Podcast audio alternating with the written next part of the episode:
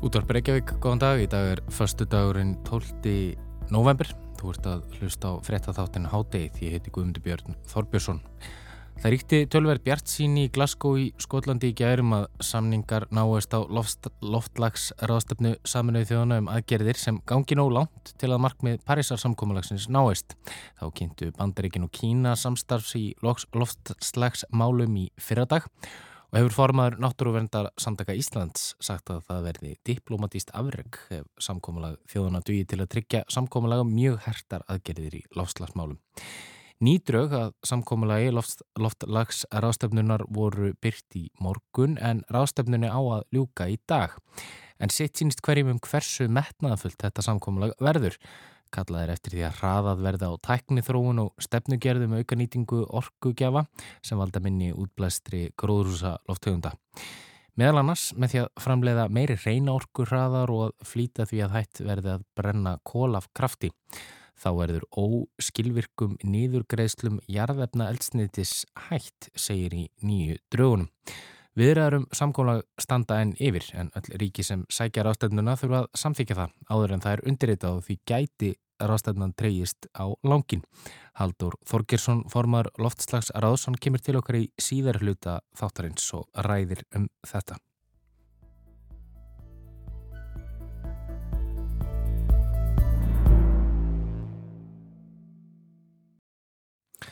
En við byrjum á allt öðru. Umræðanum fyrirkomulag leigubíla á Íslandi skýtur reglulegu upp kollinum. Í vikunni blandaði ESA eftirlitstofnun EFTA sér í málið og sendi frá sig tilkynningu þar sem kemur fram að reglur um leigubílaleifi hér á landi séu ekki samræmi við EES samningin. Samkvæmt núverendi lögjöf Það þarf atvinnuleifi til þess að með að aka leigubíla á ákveðnum svæðum og gert er ráð fyrir að leigubísturar tengist leigubílastöð á skilgrendu svæði og hafi aksturinn að aðalstarfi. ESA tilur þetta að vera ólögmæta takmörkun og rétti fólks til að stopna til varanlegar atvinnustar sem í öðru aldaríki eða svo kallum staðfestu rétti. Það er förstu dagur og á förstu dagum örskýrir Alli Fannar Bjarkarsson fyrir okkur flókin mál. Velkomin Alli. Takk. Það er ímsir vinklar á þessu máli. Um, reglur um leigubíla leifi á Íslandi verðast svolítið svona uh, flóknar og, og það er kannski verðt að spyrja bara hvað er að þeim? Getur, getur ekki bara hver sem er skellt upp taksamerki á bílinn sinn og byrja að kera fólk og, og, og svo er náttúrulega aðrar leigubíla þannustur sem við þekkjum kannski frá útlöndum eins og Uber og Lyft þeim er ekki heimilt að starfa hér. Einmitt Já, þetta er svolítið flókið hérna á Íslandi og, og reynda víðar. Hérna, við vissum alveg að það var að vera að skoða okkur í þessu samingi. Þeir voru að, voru að gera sömu aðdáðsendur í Nóri fyrir eitthvað svona lungu, hérna ESA. En þessi lögum legubíla á Íslandi voru sett bara árið 1952 og í umræðum um frelsi á legubílamarkaði á Alþingi árið 2018 þá benti Áslu Arna Sigurbjörnsdóttir, hún var ekki orðin dómsmálar á það þá á að laugin hafi verið sett beinilinis að byðni bifriðastjórafélagsins Hreyvils og vöru bílastjórafélagsins Þróttar og laugin voru sett til þess að vernda hagsmun og hóp, saði hún. Mm -hmm. En nú tæpum 70 ánum síðar er staðan þannig að takmarkanir er á fjöldalegu bílstir á Íslandi og fjöldi atvinnulefa hefur verið svipað bara í já, aldar fjörðung. Og, og eins og þú segir á, þá þurfa legubílstörar að tengjast legubílastöðu svona á skilgröndum svæðum og aksturinn þarf að vera aðalstarf þannig að svarið er bara nei, það getur svo sannlega ekki hver sem er kert leigubíl á Íslandi og það er einmitt það sem að, eitt af því sem að ESA telur bara hreinlega að sé ólöglegt samkvæmt svona EES sem að við höfum nú skrifað undir mm -hmm. og til þess fallið að draga úr samgefni og nýsköpun á samt því að leiða til harra verðs fyrir okkur neytundur. Mm -hmm. Já, þetta er áhugavert með sko atvinnulegun hafa ekki fjölgað í Já, 25 um ár, það er rauninni ótrúleitt. Já, Já, við þekkjum alltaf hvernig þetta er svona á þessum álagspunktum mm -hmm. þegar maður alltaf að fara eitthvað uh, kannski út að borða svona um kvöldmataleiti um helgar eða alltaf að koma sér heim um eitt mm -hmm. sérstaklega í COVID þegar, svona, þegar allir, allir loka sama tíma Já. þá er það kannski svona sérstaklega svona augljóst. Mm -hmm.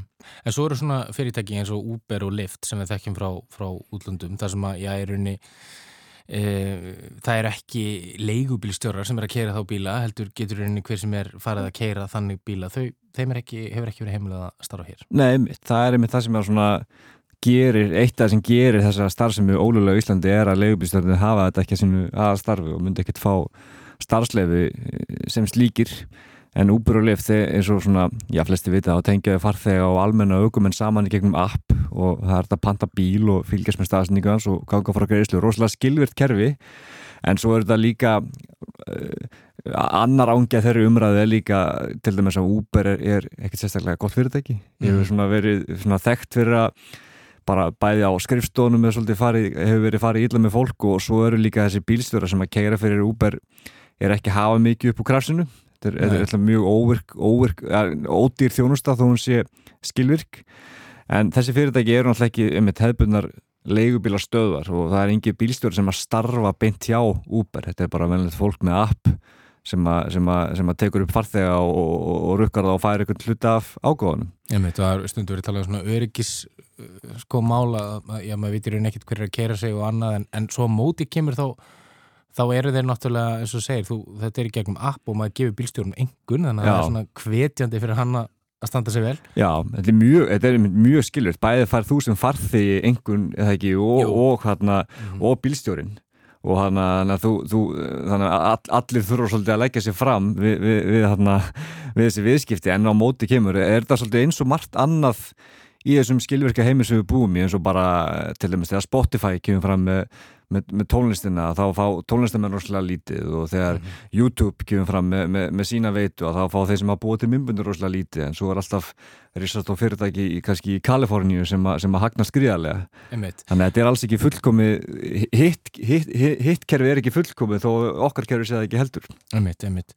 En, en já, þessi, já, þessi álutun uh, ESA, hún náttúrulega þetta er, þetta er svolítið alvarlegt og, og, og og þá er kannski bara verðt að spyrja sko, stendur til að breyta þessu? Já, það gerir það og það hefur alveg verið lengi vita að núgjeldandi reglur séu ekki í fullu samræmi við e samningin og það líkur fyrir frumvarp það sem stendur til að laga það. Frumvarp var lagt fram fyrir teimur árum og hefur endur ekki komist lengur en í, í fyrstu umræðu og alþingi eftir því sem, sem ég best veit.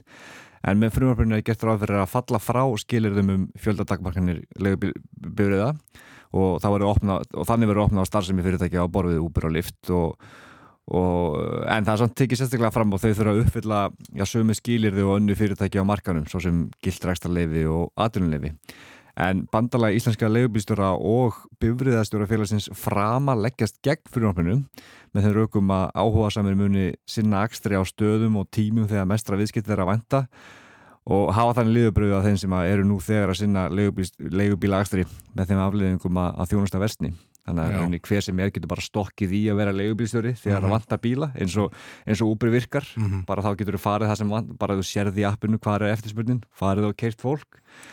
En á móti er þá kannski þeir sem er í, í fullu starfi við og þurfa líka að taka höggi þegar það er minna að gera að þá, þá missa þeir viðskipti. Já, já, já, þetta er Þetta er svolítið, þetta er svolítið flókið, það er náttúrulega hagsmunafla að sko takast á og, og, en, en já, hver er staðan bara akkurat núna? Hva, hvað gerist næst eins og við segjum henni hérna í örskýringunum? Já, það sem gerist næst er bara að ESA getur vísa málunum fyrir eftir dónstólinn ef Ísland bara bregst ekki við með fullnægandi hætti innan tveggja mánuða, þannig að stjórnvöldur að bregast rætt við, mm -hmm. en ef þau vilja ekki fara með þetta fyrir, fyrir, fyrir dómstólinn sem ég, svona, ég efast um að nenni því eitthvað sem þau viti við veit alveg að þetta, þetta stennst ekki samningin, þannig að já, allt ekki þurfi ekki bara að drífa sig að koma saman í fyrsta lagi einmitt. og svo þarf bara að fara að ræða þetta frumarp aftur það er einmitt, það verðist þeirra mjög stutt komið. Einmitt. Kæra þakki fyrir komin í háttegið allir um, það eru háttegiðsvettir hér á uh, næstu myndum kl. 12.20 og þá verður fjallaðum með nýjar Sóttvartar dagmarkanir en Ríkistjónin ákváða fundið sem í morgun að almennt megi 50 manns koma saman og um, þá með að líkamsættastöðar taka á móti 75% um leifilegs gesta fjölda. Við erum í sondísi Sáastóttur helbyrðisar á þeirra í hátdegisvöttum og eftir en hátdeið snýr svo aftur strax að þeim loknum. En þá höldum við til Glasgow, þar sem að loftslags rástefnan COP26, já, henni er að ljúka. Hingaði sestur Haldur Þorgesson, formaður loftslags ráðs. Velkomin Haldur. Takk. E, þú varst, þú sóttir þessa ráðstöfnu heimi í, í síðustu viku. E, Kanski svona, já, áður en við tölum um, já, hvernig hefur gengið á ráðstöfnunni og, og hvernig horfirnar eru. Hver, förum aðeins, byrjum bara aðeins á byrjunni. Hver var tilgangurinn með þessari ráðstöfnu og, og á hverju byggir hún? Já, þessi rástefna hafður raunverulega það tilgang að, að byggja aftur þá einingu sem myndaðist um markmið Parísasamningsins fyrir rúmlega fimm árum í París og þessi Parísasamningur hann hefur það markmið að, að koma í veg fyrir vestu afleiðingar af veðafarsbreytingum og uh, með því að halda röskun vera kervisins innan viðráðanleira marka uh, og það er gert með því að, að löndin sem eiga aðild, það eru drömmulega öll aðildir ekki saminu þjóðan að vera minna, koma með sín uh, landsframlög uh, að þessu markmiði, hvað þau telja sig geta gert og, og hvernig árangrið þið geta náð. Og, og þetta þarf að uh, leggja formlega fram og þetta var fyrsta svona uh, tímamörkin í Parísasamningum sjálfum 2020 eða 2021 mm. núna, nú að fresta þinginu með eitt ár. Og þannig að það var mjög mikið lágæsla á það bæði hvað væru ríkinn tilbúin að segja núna um hvað þau ætla að gera fyrir 2030 og svo líka langtíma sínin En það er líka leististurlaðingi mjög mikill viljið til samstarfs, eh, það er mjög mikilvægt. Eh, ríkin er ekki bara að vinna einn heima í sínu mm -hmm. verkefnum, heldur er að takast á við stór verkefni saman. Þá er einmitt kannski verðt að spyrja, ja, hvernig, hvernig horfir við þessu samstarfi, e, það, það ríkti tölver svart sín í aðdraðanda þessarar þessara ráðstöfnu og þá heyrði það já, það var bara svona, það voru kannski ekki miklar ónur um, um, um að við værum að ná markmiðum okkar hvernig, Hvernig horfir þetta við þér núna þegar ástumni er að ljúka? Sko við erum í raun og veru milli vonar og átta og ég held að þetta sé bara mjög mikilvægt að horfast auðu við það. Og uh, David Attenborough lísti þessu vel þegar hann talaði um sko örvæntingara von. Desperate hope uh, -hmm. talaði um og, og, uh, og það er raunveruleikin þetta lítur allt mjög illa út en lítur samt betur út heldur en að gerði áður en að, að þetta þing uh, hófst. Og það er raunverulega eðli þessa, þessara þinga þau hafa raunverulega það hlutverk að, að beina aðteglinn setja þetta viðfónsefni í brennidebil og uh, raunverulega að auka kraftin í því að takast á við þetta. Og þar skipta líka um, uh, áhörnafulltrúar og, og fólk sem lætur þetta sig varða mjög miklu máli að skapa þennan þrýsting Emmitt.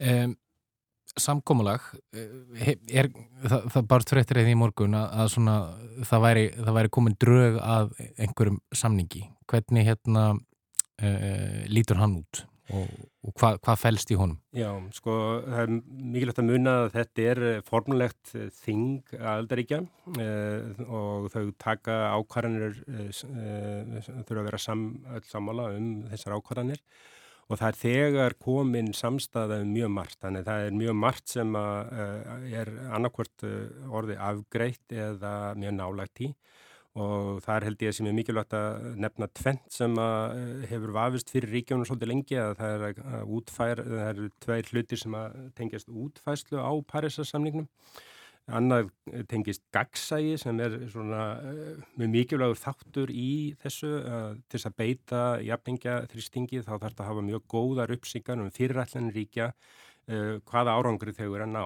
Og það er að nást núna samstæðum það hvernig þetta verið gert og þar hefur verið tekist á um erfiða hluti eins og hvaða sveigjanleiki á áfram að vera gagvart þrónuríkjunum sem er að byggja upp sína, uh, sín uh, kerfi. Og svo alþjóðlegu viðskipti með kólefnis einingar og það er heimilt innan samningsins en það hefur verið tekist mikið á um það hvernig ég að gera það.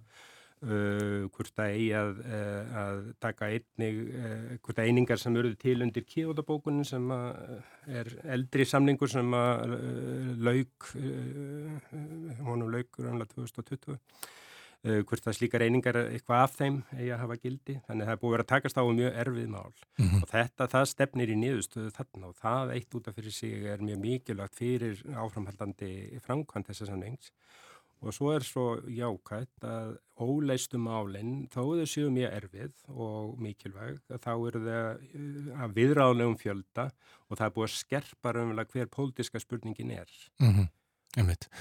En það verist, það verist aðeins svona í þessum já, í, í þessum samningsdraugum þá, þá verist svona aðeins uh, verið að draga úr áherslu sem við koma jarðefna eldsneiti eða nýðugreisla á þeim, það var talað um í uppalöfum draugum að það ætti að ríki heimsættilega að af, afnema nýðugreisla á jarðefna eldsneiti, nú er þetta orðalag svona aðeins loðnara og það er verið að kvetja til já, þess að óskilvirkar niðugriðslur, þeim verði hægt þetta er náttúrulega, þetta er náttúrulega óbærslega erfitt mál og, og, og, en það er auglust að þarna eru þarna þarf að ná einhverju samkómulegi og þetta með að sko um, já vera afnema niðugriðslu og ég er að nelsneiti alveg, það er náttúrulega bara ekki hægt.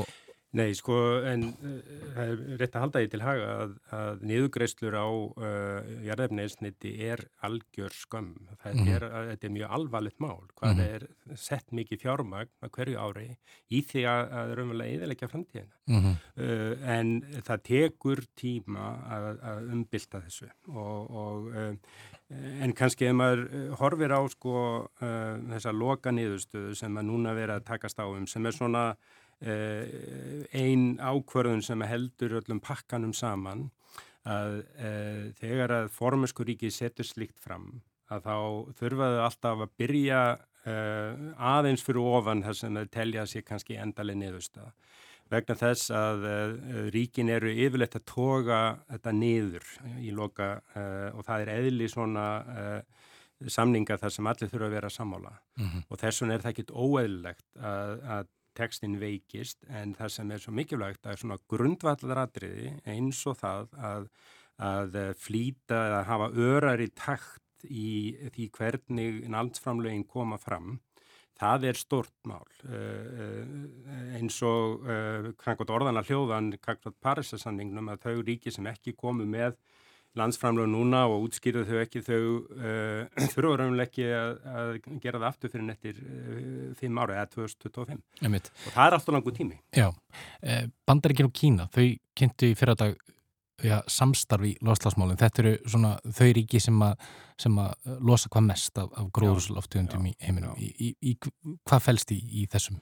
Þetta fælst fyrst og fyrst í því að þau, uh, þessi tvö ríki voru að lýsa yfir að, að þau ætla að uh, diffka samstarfið um uh, framkvæmdina sem er mjög jákvæmt vegna þess að, að þessi ríki unnu mjög nái saman í aðdraðandaparísar Síðan hafa uh, önnur mál uh, leitt til þess að, að það hefur kólnað og það hefur ekki verið einn stjúft þetta, þetta samstarf þarna milli. Og þess vegna var það mjög jákvæmt uh, að þetta koma þessi tvö ríki ofinbella og lýsa því yfir að, að þau eru á sama bátu og ætla sér að vinna saman í eftirklasko og það var mjög jákvæmt. Ráðstöfnunni henni á að ljúka í dag en, en það er nú ekki gefið að svona ráðstöfnur þeim ljúka alltaf á, á, á tilsettum tíma. Hva, hvað heldur þú að heldur þetta getið dreyjast á langin? Sko ég vona að þetta dreyjast ekki á langin þannig að, að þetta verði eh, hérna farið mikið inn í helgina en uh, það uh, við, þegar þú ert að loka svona pakka og, og það tekist á um mjög stóru mál þá er erfitt að stoppa þetta uh, þannig að mér finnst þetta ekkit óeillegt að, að, að þetta fari uh, svolítið inn á lögadaginn uh, en það væri mjög jákvæmt ef, ef að það væri ekki allt og langt inn í lögadaginn því að það þegar að er komin þreita og, og, og, og svona pyrringur þá, þá er alltaf mjög mikil hægt á að það flosni upp úr Þannig að eh, þau, eh, þeim virist eh, ganga nokkuð vel að halda utanum þetta formensku ríkinum. Þú eru aðalega brettar en ítalar eru með þeim. Þannig að ég hef ekki ágjör á því þó að, að það sé ein vöku nótt eftir.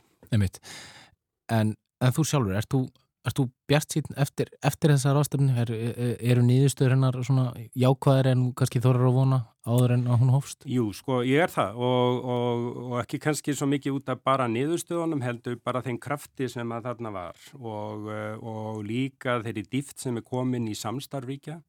Uh, til dæmis eins og með uh, að koma í veg fyrir eða stöða og hæja á og stöða eðingu rekskóana Það er miklu trúverður að samstarf núna, það er miklu fleiri sem koma að því og fæðukerfi kemur að þessu og atvinnulífið. Þannig að það eru, og svo er svo greinlegt að, að, að það er engin að tala lengur um það hvort orkuskipti uh, þurfa eiga sérst að heldur hvernig og, og hvernig er þetta náðið í fram og hvernig er þetta tryggja réttlæti í slíkum umskiptum og við kannski þekkjum þetta ekki hér á landi en uh, í mörgum tilfellum er þetta mjög miklar uh, breytingar. En svo er líka... Já, efna, efna hafur náttúrulega heilu þjóðuríkjana byggir á, á til dæmis framlegslu jarðaðnaðsnætis. Jú, en hinn raunverulegir hagsmunir uh, þessar ríkja er ymmit að, að ná uh, frumkvæði í því að byggja upp orkukerru samtíðarinnar. Uh, það, er, það er mjög hættuleg svona efnaðarstjórnun eða allar að, að haldi ykkur að fortíð sem að verður ekki til framtíðar. Þannig að þau ríki sem eru svona ennþá með höfuð í sandinum eins og Ástralja Eh, eigi eftir að, að fá efnahanslegan skell. Eh, Ástæðar er byggið náttúrulega mjög mikið á því að, að selja eh, kól til, til Kína. Þannig að það eru stóra breytinga framöndan hjá mörgum þjóðum og það er mjög mikilvægt að það sé gætt réttlætis. Emið það. Kæra þakkir fyrir komuna í hátdeið Haldur. Við vonum náttúrulega sjálfsögða að þessi rástefna drægist ekki allt og mikið á longin og, og kannski líkur henni á morgun en hádegið er á enda í dag við verðum hér aftur á sama tíma eftir helgi. Við erum sæl og goða helgi.